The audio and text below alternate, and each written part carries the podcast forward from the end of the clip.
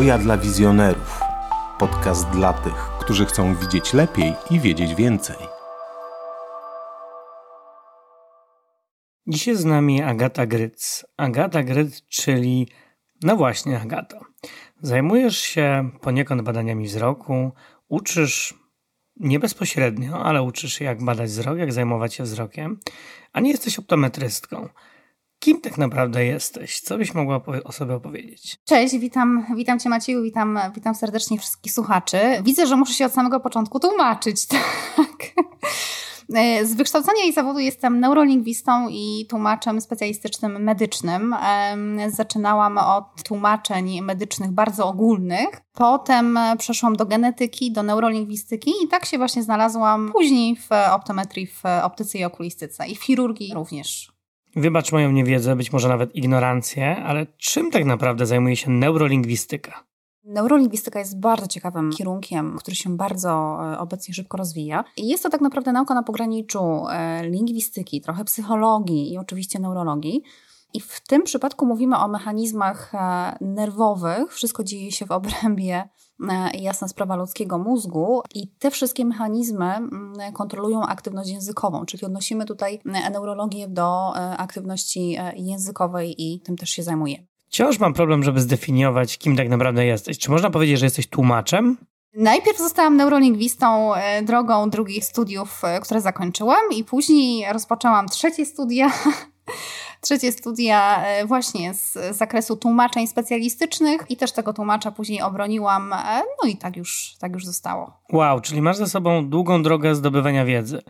A powiedz proszę takie prozaiczne pytanie, dlaczego akurat język angielski? Nie będę chyba oryginalna w swojej odpowiedzi. Angielski po prostu zawsze przychodził mi z łatwością. Zaczęłam się uczyć angielskiego e, od najmłodszych lat. E, e, pamiętam, miałam chyba 3-4, znaczy może ja tego dokładnie nie pamiętam. Miałam 3-4 lata, kiedy już naprawdę solidnie zaczęłam uczyć się języka angielskiego. I tutaj też taka ciekawostka, bardzo dużo osób myśli i też zadają mi bardzo często, nawet słuchacze w trakcie szkoleń, pytania, co mają zrobić, żeby nabyć naprawdę fajny poziom języka angielskiego i, i wszyscy domyślają się, że pewnie trzeba zacząć jak najwcześniej tę naukę. Są różne szkoły, różne teorie na ten temat. Ja akurat zaczęłam bardzo wcześnie, natomiast czy to jest e, taki wyznacznik później sukcesu naszego w akwizycji języka? Nie do końca. Jest wiele szkół, mówię na ten temat, natomiast dzisiaj byśmy na pewno nie zdążyli tego omówić. Ale tak, od najmłodszych lat towarzyszy mi angielski i później koniecznie chciałam język angielski połączyć z jakimś obszarem medycznym, no i tak też zostało.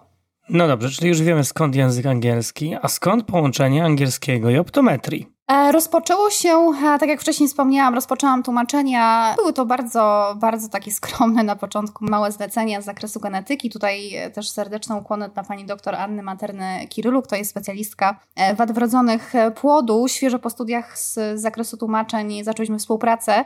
Zaczęłam tłumaczyć, jak wcześniej wspomniałam, z genetyki. No nie jest to prosta, prosta działka, e, jak na świeżo upieczonego tłumacza, dlatego też sporo, sporo się wtedy nauczyłam. I później otrzymałam kilka małych zleceń właśnie z zakresu e, optometrii. To nie była optyka, to była optometria. Bardzo mi, się, bardzo mi się te artykuły właśnie optometryczne spodobały. Mm, zaczęłam czuć tę dziedzinę bardzo, bardzo mocno. Zresztą, e, tak jak wcześniej wspomniałam, neurologia, optometria są to tożsame obszary i oczywiście są nierozłączne. I tak się zakochałam w optometrii, w okulistyce, w tłumaczeniach i do tej pory, e, a to już trwa oj kilkanaście lat, do tej pory w tym, w tym jestem. Jakie miałeś najtrudniejsze tłumaczenie, albo może jakie tłumaczenie było dla ciebie największym wyzwaniem? Bardzo fajne, bardzo ciekawe pytanie, dzięki. E, było tych tłumaczeń sporo, natomiast e, myślę, że moglibyśmy określić te tłumaczenia może nie jako mniej lub bardziej e, trudne. Myślę, że każde, każde tłumaczenie jest po prostu pewnego rodzaju wyzwaniem. Pamiętam, kilka lat temu miałam okazję być przez kilka dni tłumaczem ustnym w Ministerstwie Zdrowia. Był to czas, kiedy bardzo wiele organizacji, stowarzyszeń walczyło o pacjentów ze stwardnieniem rozsianym, o opiekę koordynowaną dla tych pacjentów. E, I pamiętam moment, kiedy miałam okazję tłumaczyć polityków. Nie ukrywam, że politycy jest to, jest to grupa dość specyficzna, do tłumaczenia, ponieważ e, posługują się taką swoją wewnętrzną mową. Ja bym to nawet powiedziała, że jest to taka ich e, swoista, swoista polityczna nowomowa. I odnosiłam wrażenie, że bardziej w swoich wypowiedziach starają się w pewnych momentach pochwalić erudycją i znajomością bardzo wysublimowanych wyrazów. No, dla nas tłumaczy jest to, jest to pewnego rodzaju wtedy problem, wyzwanie, i fajnie by było, gdybyśmy wszystkie te terminy rozumieli. I przypomina mi się teraz bardzo krótka, ale ciekawa historia, mianowicie w trakcie tłumaczenia jednego z polityków, który opisywał sytuację pacjentów ze stwardnieniem rozsianym, e, wspomniał, porównał pacjentów czekających w kolejkach do ptaków w mazucie. Do ptaków w mazucie? Jak z tego wybrnęłaś? Więc mazut moglibyśmy przetłumaczyć zwyczajnie jako po prostu mat, natomiast w przypadku tego tłumaczenia, jak ptaki w mazucie, absolutnie nie pokierujemy się E, tłumaczeniem dosłownym. I tutaj też bardzo fajnie e, pokazana jest sytuacja, kiedy bawimy się językiem w trakcie tłumaczeń i kiedy ten język jest znowu bardzo mocnym e, żywiołem. No ja akurat w tym przypadku pamiętam, że tłumaczyłam w takim mazucie jako get stuck. Po prostu pacjenci utknęli w pewnym miejscu. Więc tak to tłumaczenie wyglądało. Myślę, że było to dobre rozwiązanie, natomiast dosłowne tłumaczenia oj są rzadkością w takich przypadkach. Tak jak wspomnieliśmy, nie tylko tłumaczysz, ale też uczysz języka angielskiego w optometrii. Gdzie można się z Tobą spotkać, gdzie można uczestniczyć w Twoich zajęciach? Oprócz y, szkoleń, które prowadzę z zakresu obsługi klienta i pacjenta anglojęzycznego w salonie optycznym w gabinecie, mm, prowadzę również wykłady na Uniwersytecie imienia Adama Mickiewicza w Poznaniu. Mm, jest to, jest to oczywiście kierunek optometria i mam swój autorski przedmiot English and Vision Science.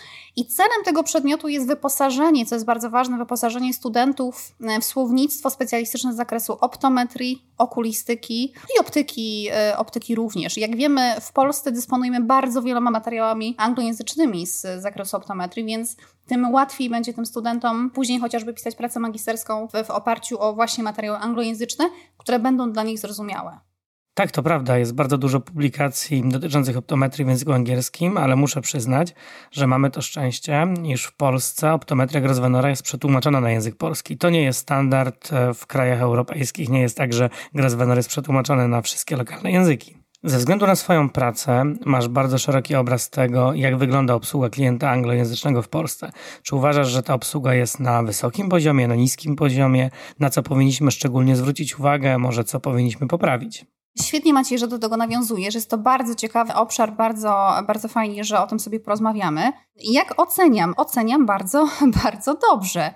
Przede wszystkim może zacznę od, od jednej bardzo ważnej informacji, mianowicie mm, jak wynika z najnowszego raportu EF-EPI, e to jest English Proficiency Index, Polska w 2017-18, teraz dokładnie nie pamiętam, ale chyba 18, e, zamykała e, pierwszą dziesiątkę narodów najlepiej posługujących się językiem angielskim i w tym badaniu, pamiętam, brało udział 72 kraje, tak, brały udział.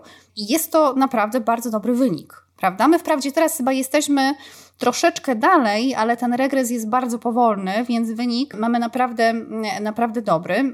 Pytałeś, jak oceniam jakość obsługi. Przede wszystkim Polacy, pracownicy salonów optycznych w, w relacji z klientem anglojęzycznym starają się. To na pewno. Chcą wypaść, chcą wypaść bardzo dobrze. Oczywiście czasami doprowadza to do pewnego rodzaju stresu, a jeżeli wchodzi stres, to wiadomo, że trochę z tą komunikacją jest gorzej, ale my naprawdę chcemy wypaść dobrze. Co więcej, posługujemy się wyuczonymi terminami specjalistycznymi e, i to widać e, po chociażby doradcach klienta w salonie optycznym, że jesteśmy dość wyuczeni w takich terminach specjalistycznych. Nie jest to trudne do zrealizowania, ponieważ chociażby katalogi, różnego rodzaju, które otrzymujemy w salonach, też są w języku angielskim, więc stąd też e, możemy czerpać taką wiedzę. To, nad czym z kolei powinniśmy troszeczkę popracować, to na pewno pytania do klienta anglojęzycznego i wyczucie, czego tak naprawdę klient potrzebuje, o co chodzi. Mm, wszyscy myślę, że doskonale kojarzymy cechę, zaletę, korzyść, prawda? Jest to reguła sprzedażowa, której warto się e, często w rozmowie z klientem e, trzymać. No my niestety mamy taką tendencję, mówię tutaj oczywiście cały czas o pracownikach salonu e, optycznego, tendencję do zarzucania klienta anglojęzycznego cechami produktu, ale nie zadajemy pytań. Bardzo mało tych pytań pada. Wiąże się to z tym, że, że później jednak nie czujemy takiej głównej potrzeby klienta, a to jest bardzo istotna kwestia, prawda? E, od razu skojarzyłam teraz z, z, z, cechą, zaletą, korzyścią. E, też troszeczkę brak pewności w głosie, prawda? Jednak, e, jednak stresujemy się troszkę. Jest to klient anglojęzyczny. Wspomniałam wcześniej, chcemy wypaść dobrze i ten stres gdzieś często mm, wchodzi w, w, w relacje i też słychać po prostu to w naszym głosie. No dobrze, czyli potrafimy sprzedawać, chociażby na zasadzie utartych regułek. Natomiast jak wygląda sytuacja w gabinecie, gdzie w gabinecie potrzebna jest pewna relacja między pacjentem a osobą badającą? Tutaj już trzeba dostosować sposób mówienia do pacjenta. Jak wygląda mm, nasza obsługa w gabinecie? Bardzo fajnie, że do tego też nawiązałeś. E, sytuacja jest dość e, podobna do obsługi klienta anglojęzycznego, chociaż dodałabym tutaj dwie kwestie bardzo istotne. E, mianowicie mm, zacznijmy sobie od karty pacjenta. Karta pacjenta, jeżeli mamy taką kartę pacjenta przygotowaną w języku angielskim, jest to świetny przewodnik. Jest to pewne bezpieczeństwo dla nas w poprowadzeniu całej rozmowy, e, więc, więc fajna kompilacja e, terminów i z tego korzystamy, prawda? Natomiast dość spory problem specjaliści ochrony wzroku mają z wydawaniem pewnych bardzo prostych instrukcji do pacjenta prawda? Podaję bardzo prosty przykład. No, może przejdźmy jeszcze na chwilkę do salonu. Mamy badanie pupilometrem, prawda? Jeżeli mamy instrukcję, e, proszę stanąć przede mną prosto, e, jest to prosta instrukcja, ale my potrafimy ją bardzo, e, bardzo skomplikować. A to bardzo ciekawe. Widzisz, mi zawsze wydawało to się proste, ale być może dlatego, że ja nie pracuję w salonie, tylko w gabinecie. Powiedz mi jeszcze, jak wygląda generalnie sytuacja z językiem angielskim w Polsce? W branży mówisz, że dobrze wypadamy, a jak wypadamy w ogóle na tle innych krajów? Nasza znajomość języka angielskiego jest coraz lepsza i e, czujemy się teraz pewniej w języku. Ten język zresztą nas otacza, prawda? No, nie uciekniemy od języka angielskiego absolutnie w miejscach publicznych, w domu, w internecie i tak dalej, i tak dalej. Można by tutaj wymieniać bardzo wiele sytuacji i środowisk otoczenia. E, natomiast co jest bardzo istotne, mm, my jesteśmy bardzo dobrzy i też e, to wynika z tego raportu, o którym wcześniej mówiłam, English Proficiency Index. My jesteśmy bardzo dobrzy, moi drodzy, w gramatyce. W szczególności e, dorośli słuchacze języka angielskiego są dobrzy w gramatyce. Niestety troszeczkę kulejemy w mówieniu. I jest bardzo proste, myślę, wytłumaczenie w tej kwestii. Mianowicie w gramatyce dorośli czują się po prostu bezpiecznie. E, dorośli zawsze potrzebują e, mieć pewną konstrukcję gramatyczną, pewien szkielet i faktycznie posługują się bardzo fajnie. Z mówieniem jest już troszkę, troszkę ciężej. A czy miałabyś radę, jak otworzyć się na to mówienie, żeby nie bazować tylko na utartych sformułowaniach gramatycznych, tylko swobodnie porozumiewać się w języku angielskim? Myślę, że musimy być świadomi jednej rzeczy, mianowicie mm, jest coś takiego jak delayed production w neurolingwistyce, jest to tak zwana opóźniona produkcja. E, o co chodzi? Bardzo krótka historia. Na początku słuchamy, słuchamy, słuchamy i bardzo mało mówimy. Musimy się troszkę obsłuchać w wielu terminach, w wielu zwrotach i tak dalej, i tak dalej. Natomiast później musimy dać sobie trochę czasu, żeby zacząć produkować to, czego się dosłownie nasłuchaliśmy. Bardzo często e, studenci, słuchacze, dorośli, którzy rozpoczynają naukę, bardzo szybko potrafią się zniechęcić, prawda? I są bardzo niecierpliwi, ponieważ oni by od razu chcieli produkować, produkować, a jeszcze nie zdążyli się dokładnie obsłuchać, więc e, musimy być troszeczkę bardziej pokorni w stosunku do tego procesu, dać sobie trochę czasu, bo ta umiejętność na pewno przyjdzie. Bardzo fajną, ciekawą metodą jest drilling, czyli powtarzanie pewnych fraz, powtarzanie na głos oczywiście po kilka razy e, pewnych zwrotów, to też jest korzystne. Wspomniałaś, że nauka języka angielskiego zaczęła się już w wieku 4 lat i tak mi się skojarzyło, że często kierowcy rajdowi zaczynają swoją karierę w bardzo, bardzo młodym wieku właśnie kilkuletniego dziecka. Mm, wydaje mi się, że kiedyś wspominałaś, że też pasjonowałaś się motosportem. Czy to prawda?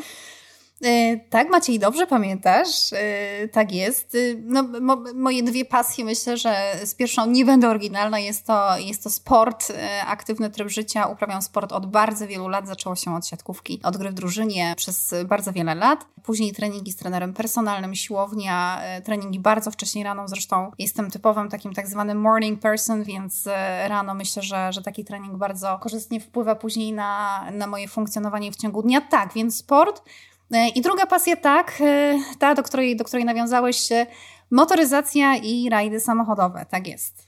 Mając tak intensywny tryb życia, powiedz, jak znajdujesz czas na relaks, jak się relaksujesz? Dla mnie najlepszą, najlepszą formą relaksu e, jest sport, na pewno pora bardzo wczesna rano i jest to piękny zamiennik kawy.